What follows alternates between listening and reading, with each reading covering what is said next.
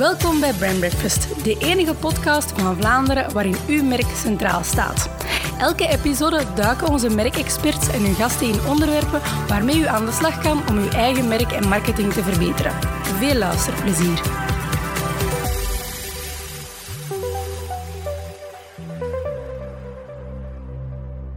Goedemorgen, beste luisteraars. Welkom bij alweer een nieuwe editie van onze Brand Breakfast podcast. En we hebben hoog bezoek vandaag. En hoog is, uh, ja, zoals letterlijk, want hij komt helemaal live uit het hoge noorden van Nederland. Meer bepaald uit Groningen. We zijn in het gezelschap van Ewald Lausberg. Dag Ewald. dag, goedemorgen Stef. We zijn die Ewald nog niet kennen. Um, Ewald is directeur en co-founder van Store Support. Store Support is de, de grootste aanbieder in de Benelux, marktleider in de Benelux van alles wat mystery visits is. En uh, ja, specialist in klantbeleving. En het leek ons zeer interessant om het met Ewald eens over die klantbeleving te hebben. Hè, want daar gebeurt ja. nog heel wat in. Dus voilà, voor eerst welkom Ewald. Ja, dank u wel. Fijn dat je tijd neemt om er met ja. ons uh, eens over te babbelen. Ik zal misschien uh, meteen met de deur in, in, in huis vallen. Hoe belangrijk is die klantbeleving voor merken? Voor merken, ja. En uh, überhaupt, hoe, hoe, belangrijk is klantbeleving? Ja, uh, ja. ja ik, kan een, uh, ik kan natuurlijk ook de vraag terugstellen. Hoe belangrijk vindt u uzelf als klant eigenlijk? En wat, wat vind je om, om klant te zijn? En op het moment dat we onszelf verplaatsen in die klant... Want uiteindelijk zijn we natuurlijk in het dagelijks leven overal ergens klanten. Al is het bij de supermarkt. Ja, we zijn zelf ook allemaal klanten en consumenten. Ja, en dan vinden we onszelf natuurlijk wel belangrijk. Omdat wij uiteindelijk uh, het geld dat wij verdiend hebben uh, ergens achterlaten. Op een plek waarvan we, uh, waar we iets willen kopen, waar we een dienst willen hebben. En daar willen we natuurlijk wel een hele goede beleving bij hebben. En dat maakt dat we vaker kritisch zijn en daar hoge eisen aan stellen. Dus, ja, en, en dat maakt dat dus klantbeleving belangrijk is. Omdat we het zelf zo belangrijk vinden. En zijn we kritischer nu dan vroeger? Dat nee. hoor je wel eens. Hè? Ik hoor de ja. klanten wel eens zeggen van ja, goh, mijn klanten nu die zagen veel meer over van alles en nog wat. Vroeger was dat precies gemakkelijker. Ja. Ja, nee, ik denk dat dat wel meevalt. Ik denk dat we altijd wel kritisch zijn geweest. Mm. En ik denk dat klantbeleving altijd een rol heeft ge gespeeld. Kijk, vroeger, uh, ik kom oorspronkelijk uit een, uh, een klein dorpje, zeg maar wat meer in het, uh, in het westen van Nederland. En daar had je een bakker en een slager en een, een klein dorpswinkeltje. Zoals veel dorpjes. Zoals veel, ja, en, en daar deed je je boodschappen. En ook daar verwachtte je ervan dat je bij, bij de bakker vriendelijk werd begroet en dat je mm. goed werd geholpen. En, en, en daar, dus die, die eisen die je aan een bepaalde onderneming stelt, die zijn denk ik niet heel veel anders geworden. Mm. Alleen uh, ja, op het moment dat die bakker zijn klanten niet vriendelijk uh, hielp, gingen, gingen mensen daar uiteindelijk ook niks kopen. Alleen de, de communities waren veel kleiner en ja. de markt is veel transparanter geworden.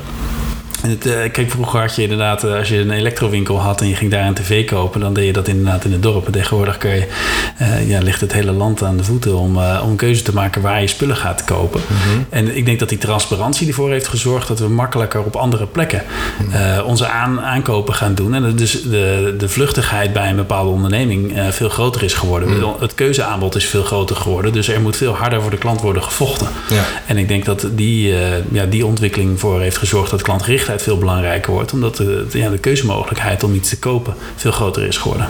En heeft dat impact op die customer journey ook? Zijn er touchpoints bijgekomen, stukjes bijgekomen versus vroeger, denk ik? Ja, ik denk, en uh, dat zal geen nieuws zijn, natuurlijk de hele online ontwikkeling ja, heeft ervoor gezorgd dat de hele oriëntatiefase in de customer journey uh, veel belangrijker is geworden. De markt is veel transparanter geworden. De klanten kunnen veel beter zien wat er allemaal te kopen is en tegen welke prijs en tegen welke service ook. Hmm. En daarmee uh, is die journey echt wel wezenlijk anders geworden. Dus we gaan meer vergelijken dan? Ja, Precies ja. Ja. Okay. Gartner noemt dat, de, de, de, noemt dat de, de, de infinite customer loop. Ja. Dus het houdt niet op bij alleen maar verkopen. Ja. Ik neem aan dat je adept bent ook van diezelfde theorie, dat het niet ja. ophoudt bij de aankoop ja. in de winkel of het uh, in gebruikname van een product of een dienst. Het is ook iets waar we veel met klanten over praten. Van wat is nou uiteindelijk, uh, wat bepaalt je volgende aankoop? Is dat uiteindelijk uh, die, de eerste aankoop of je aftersales? Dus bij, hoe ga je met de klant ook om in de fases na zijn aankoop? om ervoor te zorgen dat hij in de toekomst weer tot je klantenkring blijft behoren. En als het gaat om diensten, is dat natuurlijk als het om een energieleverancier het gaat of om telecom, dan is dat natuurlijk, dat blijft gaan. Elke maand wordt er een bedrag afgeschreven. Je mm -hmm. bent daar klant. En, over, uh, en maak je een afweging van, uh, is dit nog de partij waar ik, uh, waar ik mijn diensten wil blijven afnemen? Oké, en die afweging, hoe, hoe, maken we die dan uh, volgens jou? Uh, gaan we dat heel bewust doen of gebeurt ja. dat uh, eerder, eerder sporadisch of, of onbewust? als klanten, hoe, hoe, hoe, beleef je dat dan? Ja, nou, het, hangt heel erg van de dienst af, maar ik denk dat bepaalde momenten in de customer journey heel sterk triggeren om bepaalde diensten opnieuw onder de loep te nemen. dat kan met facturatiemomenten, nieuw contract, aflopen van contract. Ja, dat mensen dan weer gaan kijken van hé, hey, wat, uh, wat vind ik nou eigenlijk belangrijk? Heeft deze uh, onderneming naar de dienst geleverd zoals ik dat van tevoren voor ogen had? Hmm. En dan evalueren ze dat uh, voor zichzelf. En op basis van die evaluatie bepalen ze of ze zeg maar weer starten in die customer journey als, als zoekende klant naar van hé, hey, wat, wat is er in de markt te koop? Of dat ze gewoon bij deze leverancier blijven en tevreden zijn. En is er over het algemeen, denk je, een, een sleutelmoment in alle customer journeys? Van dat is de key moment, daarop moet je ze vangen. Ja, of verschilt dat van merk tot merk? Ja, in het, uh, in het, aankoop, uh, in het aankoopproces uh, bedoel je. Dus waar, ja. ja waar, ja, kijk, ik geloof erin en wij geloven erin als organisatie dat uiteindelijk de momenten waar je als organisatie contact hebt met medewerkers van, van het bedrijf, dus waar de klanten en medewerkers met elkaar in contact komen, dat dat cruciaal is voor het aankoopproces. Je kan natuurlijk heel veel van tevoren kan je stroomlijnen, je kan je website op orde hebben, je kan je pricing op orde hebben, maar op moment dat er echt uh, human interaction is, ja, dat bepaalt in hele grote mate uh, ja, of, of men uiteindelijk een aankoop gaat doen of niet. Want er zijn zoveel plekken om iets te kopen en er zijn zoveel aanbieders die het tegen een goede, scherpe prijs kunnen doen. Maar wat maakt nou uiteindelijk dat die klant voor, voor jou als organisatie kiest? En wij geloven erin dat dat echt de human interaction is. Maar dat maakt het ook wel weer uitdagend en ook ontzettend moeilijk. Dat is, dat is iets, feedback die wij van klanten krijgen en bij Pavlov. Van ja, goh, dat zijn zaken die je niet altijd onder controle hebt. Ik kan me inbeelden, als je een bedrijfje hebt met twee medewerkers bijvoorbeeld, ja, die trekken allemaal gemakkelijker aan hetzelfde zeel.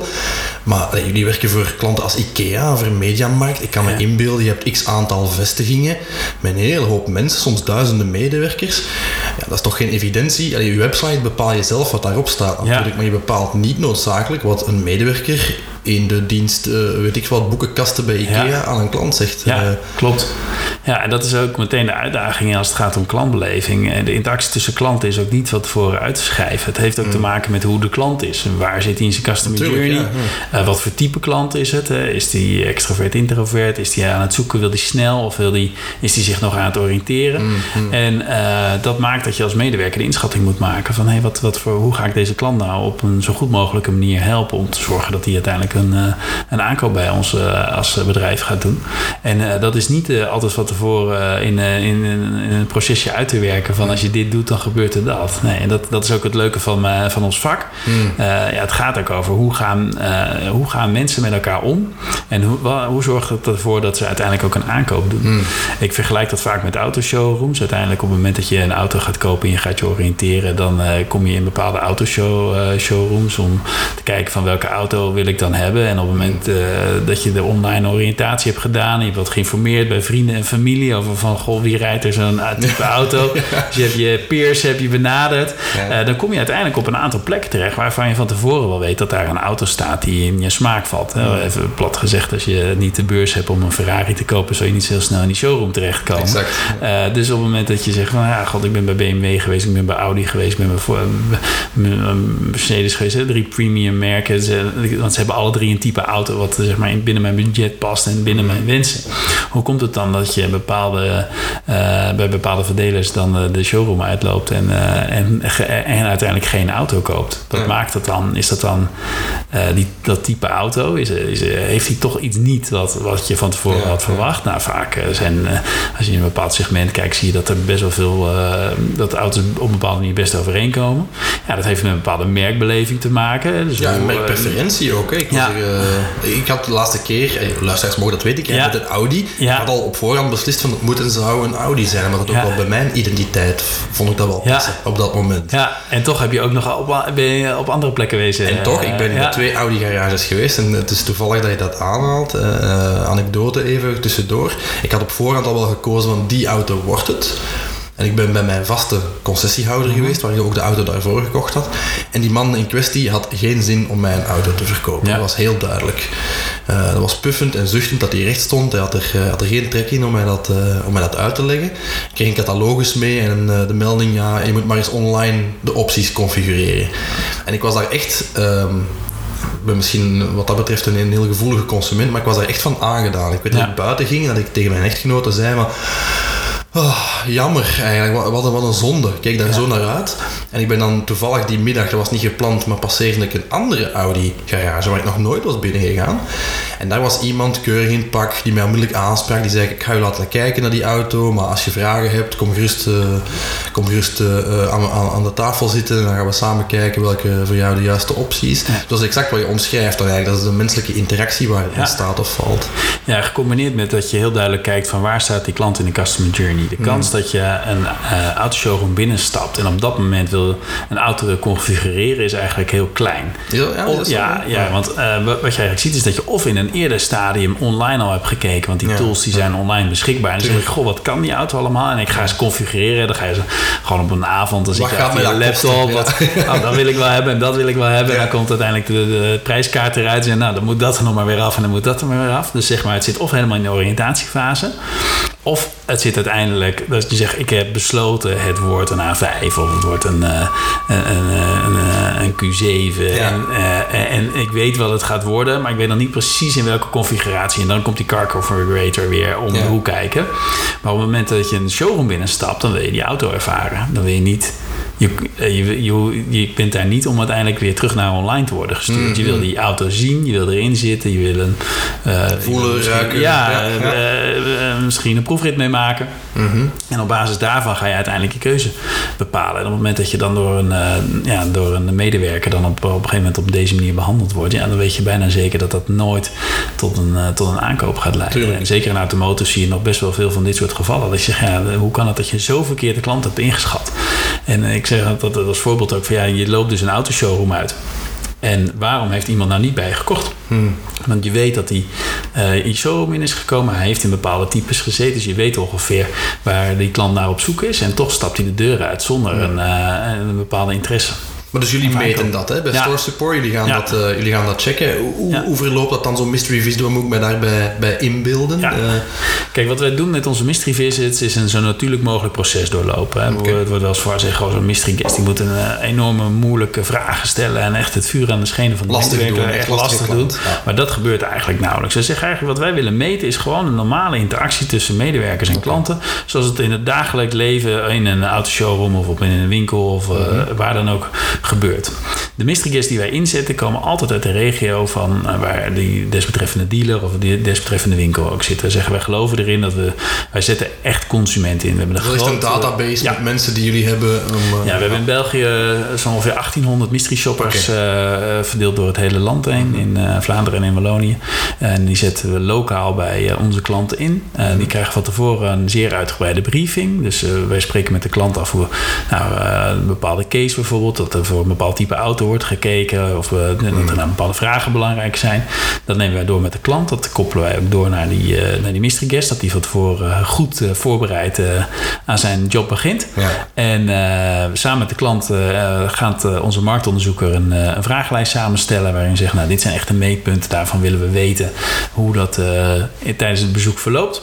En dan gaat eigenlijk die mystery guest gewoon ja, heel natuurlijk met, eh, ja, zoals die normaal gesproken ook als consument zo'n eh, onderneming zou binnenstappen, eh, gaat hij zijn metingen uitvoeren. Eh, in het geval van een autobedrijf eh, ja, is dat inclusief een, een, een proefrit als dat tot de mogelijkheden behoort, een gesprek met de medewerker. En vervolgens eh, ja, gaat hij net als een consument eh, verlaat hij weer het pand en daarna eh, maakt hij zijn rapportage compleet. Waarbij we ook nog eh, een onderscheid maken tussen wat wij dan direct feedback noemen. Dus dat betekent dat op het moment dat een mystery eh, shop is eh, afgerond, dat de mystery shopper terugkomt om dan vervolgens de resultaten rechtstreeks met de medewerker te bespreken. En dan feedback geeft over, eh, over het bezoek. Oké. En is dat niet heel confronterend dan voor die bedrijven? Ik neem aan dat Ja. dan toch wel wat dingen komen bovendrijven. Eh, ja, nou, je gaf net zelf al een voorbeeld van een situatie die je zelf had meegemaakt bij een Audi-dealer. En dus ja, natuurlijk, er gebeuren altijd dingen. Wat wij altijd doen, zijn altijd heel transparant naar de medewerkers toe. Van tevoren wordt het aangekondigd dat zo'n onderzoek loopt. we vertellen ook precies wat we gaan meten, hoe we gaan meten.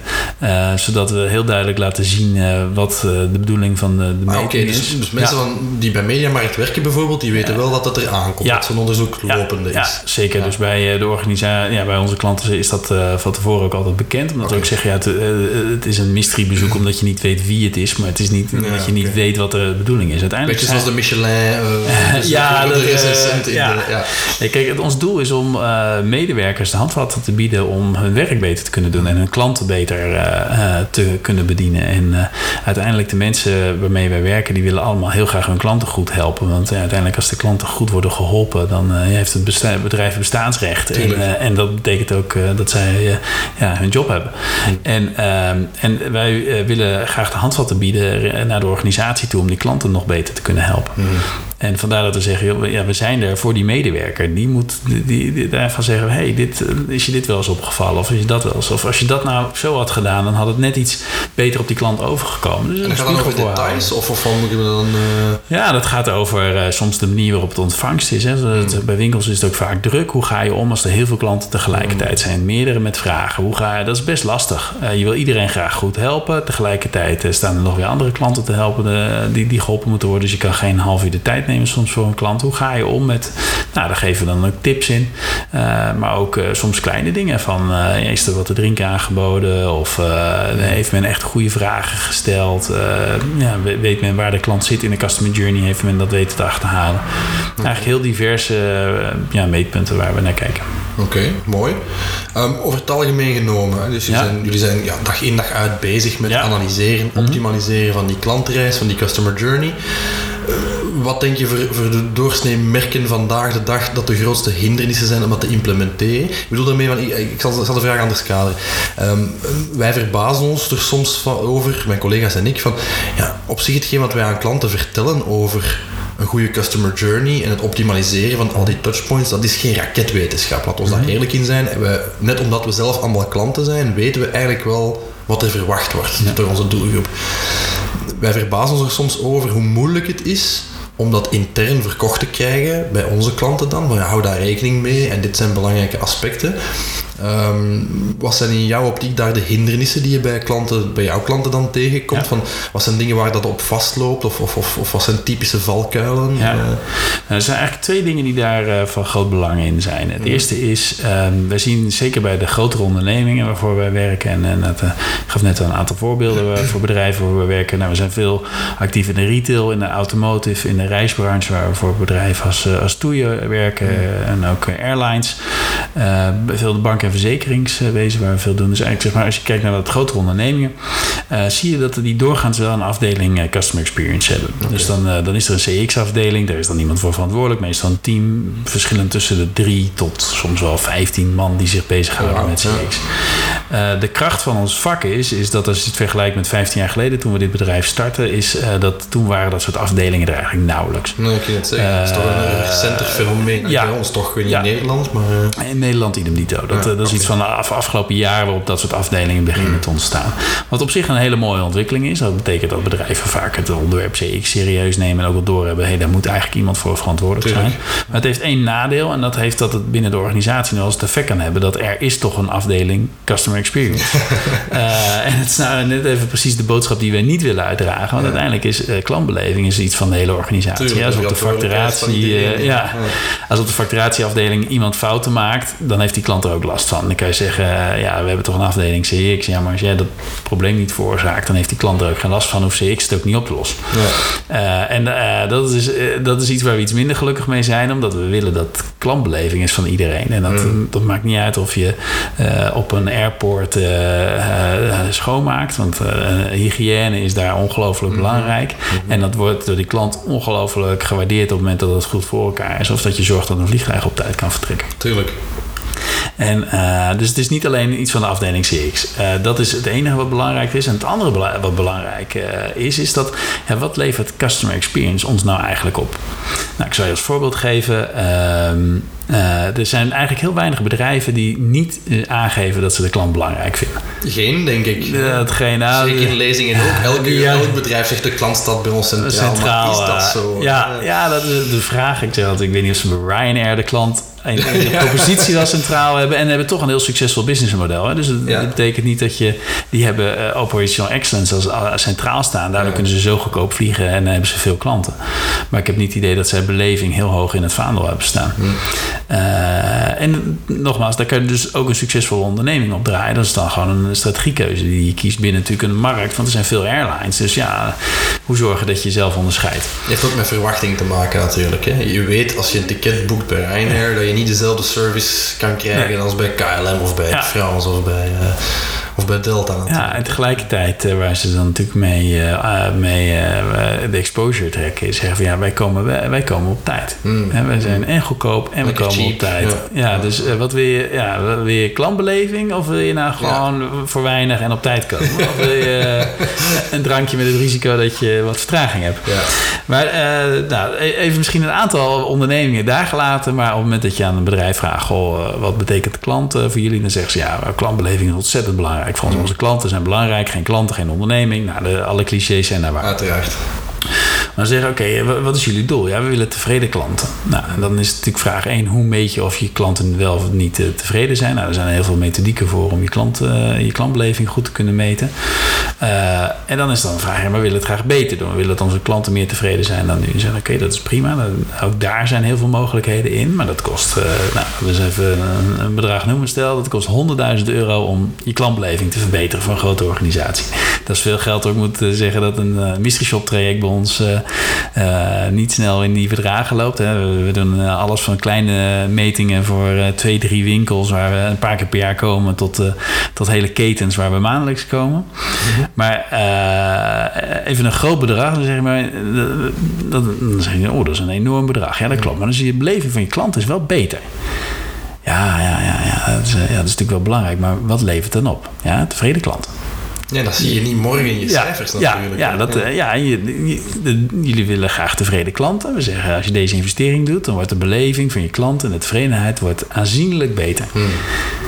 Ja, dat, dat snappen we, maar wat levert het dan op? Hmm. Oh, je bedoelt de euro's? ja, ja, ja, ja, want uh, ja, ja, dat bedoelde ik eigenlijk. Dus uiteindelijk is natuurlijk de vraag die altijd achter het verbeteren van klantbeleving ligt, is wat levert het me nou eigenlijk op? Mm, en, uh, en dan gaat het natuurlijk over euro's. Dat is natuurlijk logisch. Als je grote investeringen doet op dat soort dingen, op het moment dat je je winkels compleet laat restylen en je doet een investering, dan verwacht je ook dat daar een bepaald rendement uit naar voren, uh, naar voren komt. Dat is bij klantbeleving niet anders. Dat is ook meteen de uitdaging van ons vakgebied. Wij geloven erin dat je inzichtelijk moet maken naar je klanten toe, wat uiteindelijk klantbeleving ook daadwerkelijk kan gaan opleveren. Ook in euro's. En daarmee dus de investering waard is. En uh, ons vakgebied zit nog wel erg in de fase dat je de belief moet hebben dat een betere klantbeleving ook tot een betere loyaliteit en daarmee ook een betere omzet uh, voor de organisatie leidt. Maar het is nog niet altijd mogelijk om dat daadwerkelijk ook in uh, euro's uit te drukken. Dus dat zijn eigenlijk de twee dingen waar we in ons vakgebied voor staan. Enerzijds um, de uitdaging om klantbeleving voor een hele organisatie te laten zijn en niet alleen iets van de afdeling 6. En het tweede is het inzichtelijk maken van wat levert nou een euro investering klantbeleving. Daadwerkelijk op. Het is herkenbaar voor ons vakgebied als in branding mm -hmm. en algemeen ja. natuurlijk ook. Hè. Wij krijgen die vraag ook. Hè, want hoe kwantificeer je wat een rebranding mij gaat opleveren? Ja, uh, dat is moeilijk te zeggen natuurlijk. Hè. Als je als directeur van een bedrijf zegt van dat is voor mij maar een logo op briefpapier of, of op mijn vrachtwagen die hier buiten geparkeerd staat. Ja, als je dat zo bekijkt, dan is de return natuurlijk laag. Inderdaad, het, hetgeen wat je aanhaalt is, is heel herkenbaar, Ewald, in die zin van uh, wij merken dat zelf ook in branding, het spanningsveld tussen enerzijds die operational excellence, wat goed is, wat logisch is, wat heel rationeel is. En aan de andere kant, ja, dat, dat natuurlijk minder meetbaar of, of afstandelijker van ja, een sterk merk hebben, een goede merkperceptie, een goede klantbeleving, die experience optimaliseren. Ja, dat is moeilijker vatbaar, denk ik, ook voor een hoop merken. En uh, dan krijg je conflicterende agenda's hè, van zij die helemaal mee zijn in dat evangelisme van ja, klantbeleving is super belangrijk en, en Zorgt ervoor dat je ambassadeurschap creëert bij klanten en zo verder. Versus inderdaad van ja, maar wat gaat mij dat morgen opleveren aan, aan nieuwe omzet? Ja. Uh, ik heb jarenlang netwerktraining gegeven aan mensen die zeiden ja Stef, leer mij snel netwerken, want ik heb nieuwe klanten nodig. Ja, zo werkt dat natuurlijk Nee. niet. Je gaat niet morgen daar return van hebben. Hè? Nee. Dus ja, dat is een, een herkenbaar uh, spanningsveld, laat ik het zo ja, zeggen. Ja, en het, en, en, en het onderzoeken die wij doen, uh, soms komen er hele praktische dingen die morgen beter kunnen. Hè? De journey, dingen die de journey niet lekker liggen. Dan zeg je, goh, als je dat nou eens aanpast of je doet die, dat touchpoint haal je naar voren, waardoor je uiteindelijk een, een betere experience krijgt. Uh, en er zitten dingen in, dat is een lange termijn hmm. strategie. En daar moet je en in geloven en het geduld voor hebben en de goede dingen doen en de goede mensen intern kunnen aanhaken om ook daadwerkelijk iets te kunnen verbeteren. Want het is, uh, ja, we zeggen altijd, klantbeleving is de belangrijkste bijzaak. Iedereen vindt het heel belangrijk, maar business eerst en dan ja. beleving. Ja, ja. ja. ja. ja. ja je, je, haalt denk ik nog een derde uitdaging aan ook ergens. Van, ja, je zegt het is een, het is een human verhaal. Het, is, het, gaat over menselijke interactie. Ja. Uh, hoe belangrijk is ownership daarin? Ik bedoel daarmee van eigenlijk iedereen, zowel iemand die aan de receptie zit als bijvoorbeeld iemand die, die de gang kuist in een airport.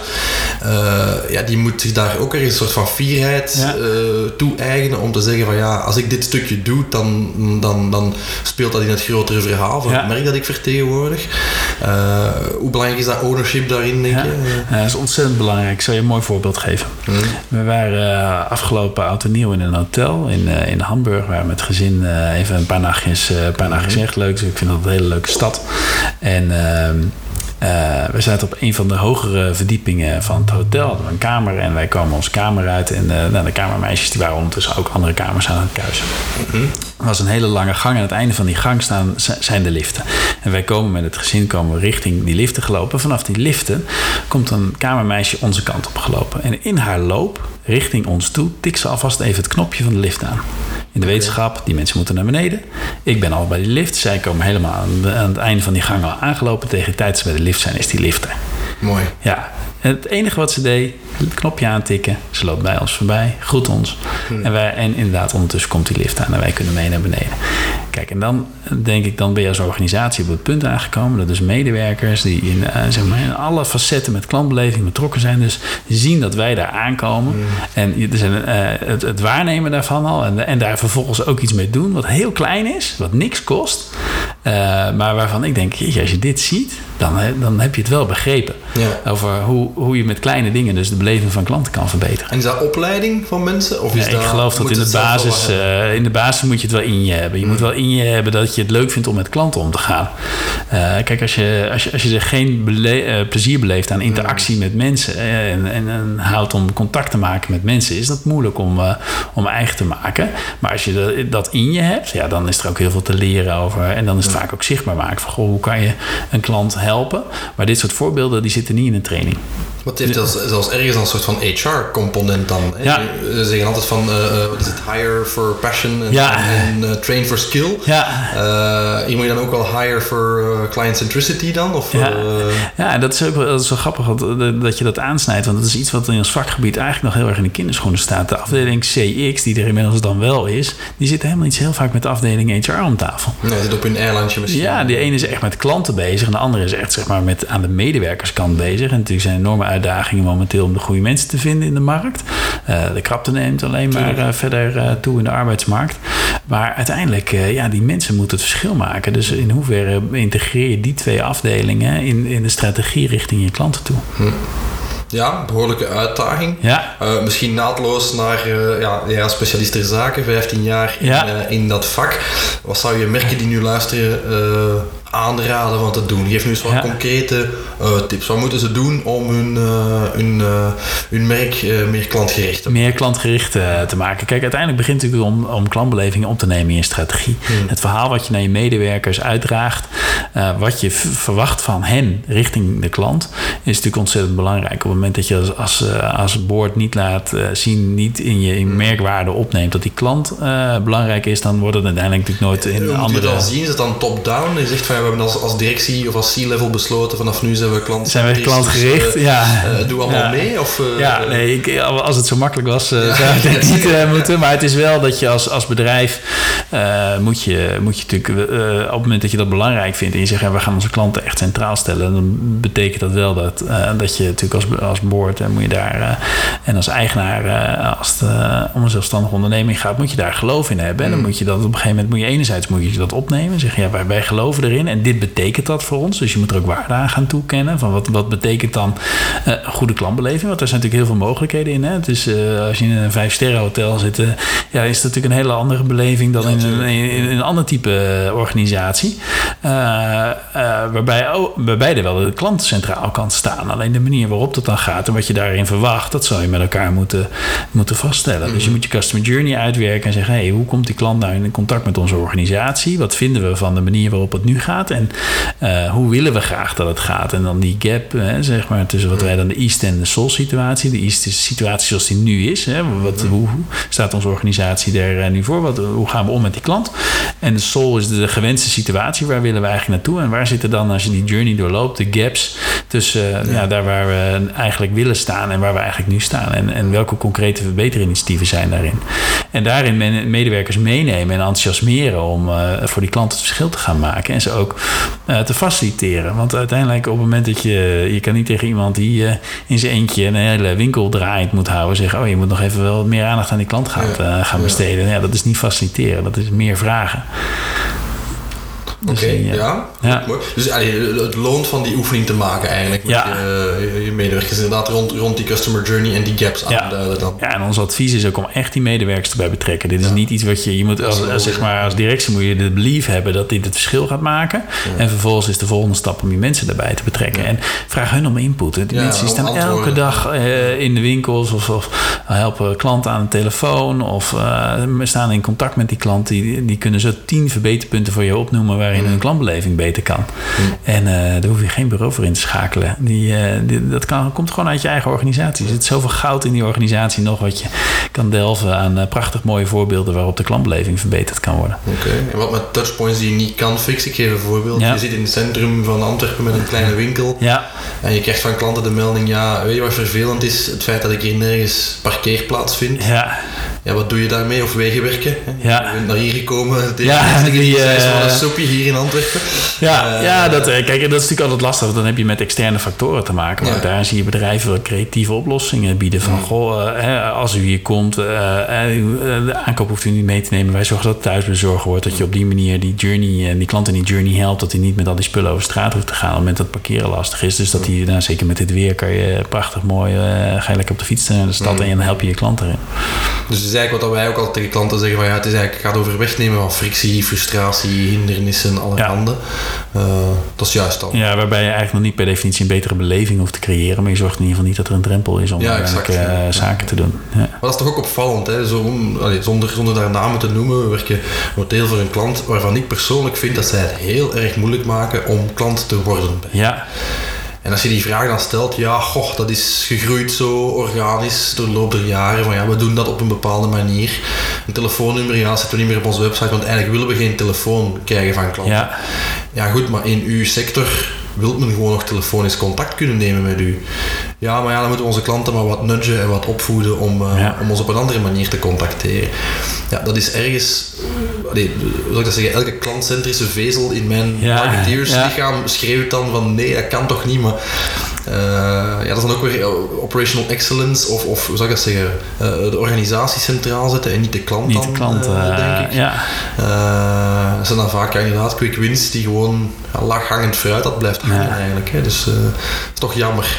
Ja, ja en ehm, ik denk, eh, als ik de case zo hoor, is een van de belangrijke dingen die ze niet hebben bekeken, zeg maar, wat is dan het effect van het Mm. feit dat je zo'n strategie kiest op je, niet alleen op je klantbeleving, maar ook op de daadwerkelijke Tuurlijk. business case. En eh, er zijn namelijk best touchpoints die door klanten worden gewaardeerd, maar die er wel gewoon uit kan halen. Eh, waarom? Omdat ze wel gewaardeerd worden, maar uiteindelijk niet echt iets opleveren in dan wel de eindbeleving van de klanten. Dus de totale beleving die de klant heeft over de organisatie. Dan wel eh, de koppeling die je kan maken met, met commercieel succes. En dat kan be- best betekenen dat je een duur, een duur klantcontactkanaal eruit haalt. Waar, waar, waarvoor je er uiteindelijk kiest om, om, om dat niet meer aan te bieden. Omdat het zo'n besparing oplevert. Dat je daar weer andere nuttige dingen mee kan doen die ook de klantbeleving kunnen verbeteren. Ja, dat is wel de vraag. In hoeverre is het, het de kolen altijd waar? Ik bedoel ermee van investeren in klantbeleving. Zeg maar wat, je hebt, je hebt een, een, kledingwinkel en je zegt van elke klant die hier binnenkomt geef ik graag een, een glaasje bubbels. Hè, ja. Of steek wel wat mhm. tijd in. Dat is een bepaalde acquisitiekost die je hebt van die klant. Is het dan altijd waard om die beleving te optimaliseren? Of kan je u als merk ook permitteren om te zeggen bepaalde touchpoints zijn nu eenmaal wat ze zijn en uh, een klant hoeft zich daar maar aan aan te passen? Ja. Ja, kijk, eh, toevallig, eh, we hadden vorige week hier ook in Antwerpen een uh, sessie van het platform Klantgericht Ondernemen, wat zowel in Nederland als in België actief is. Zoals een van de sprekers was uh, de manager van het contactcenter van IJmeren, een, Nederlandse woningcorporatie die sociale huurwoningen aanbieden.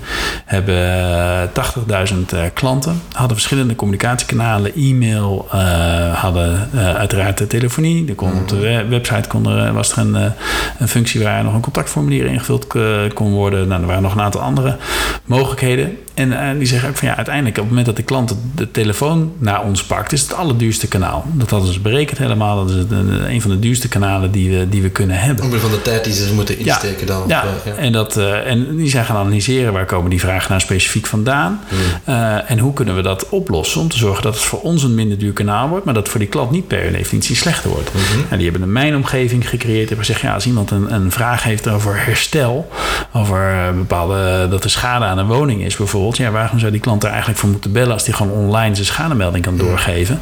En dat wij uiteindelijk, uh, dan kan die zelf een afspraak inplannen op een datum en tijd waarop die graag wil dat er iemand daar komt kijken.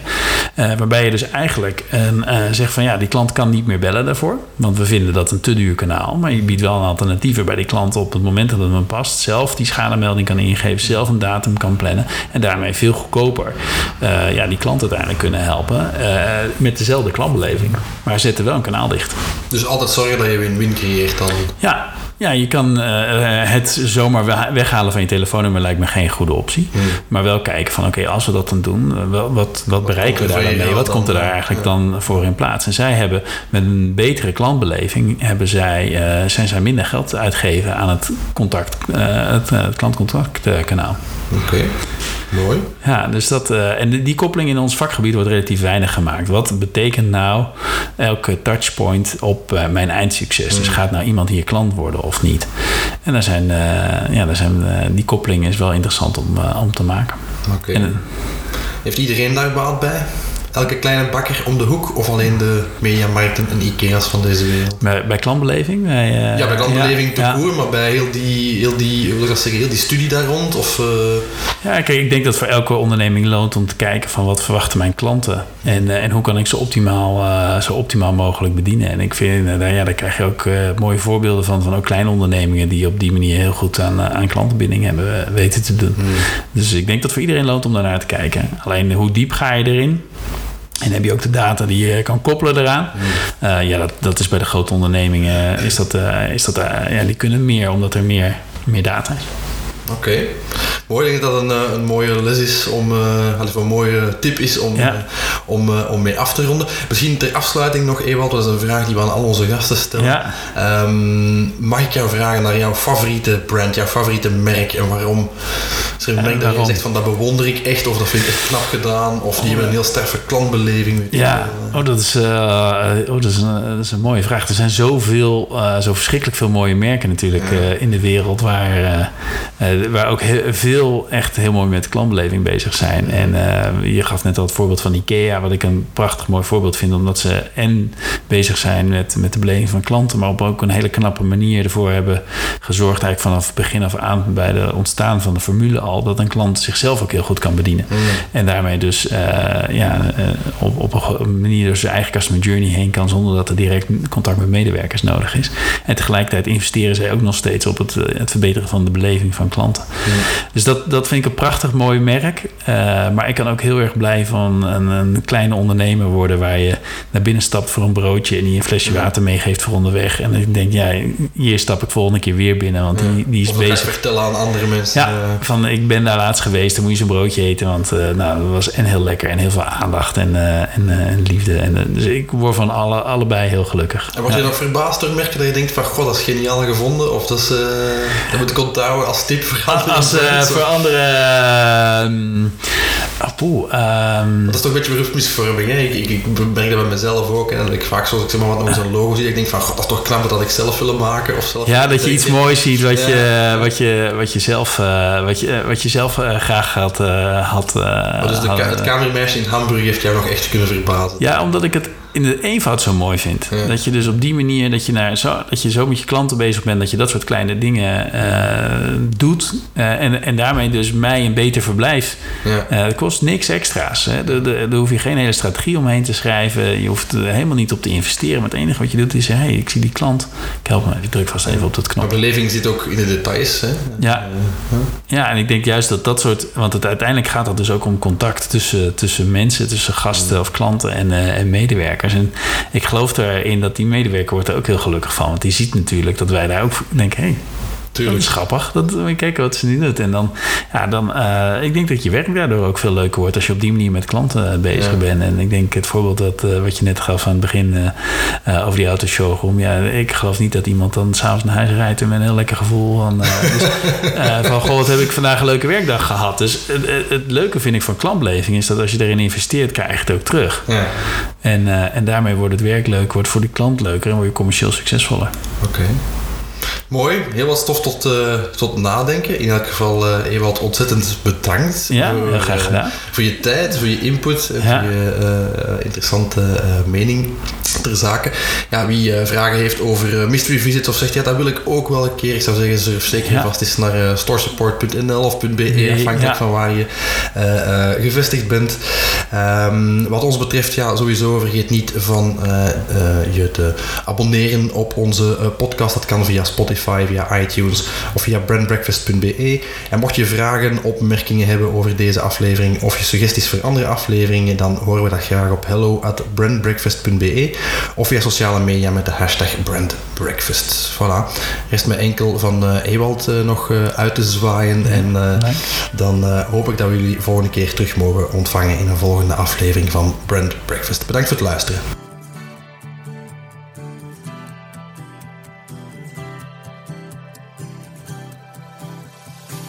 Was Brand Breakfast voor deze episode. Bedankt voor het luisteren. Reageer op onze aflevering of stuur ons uw vragen op hello at brandbreakfast.be of met de hashtag brandbreakfast. En wie weet gaan we in een volgende editie dieper in op uw branding uitdagingen. Tot een volgende keer.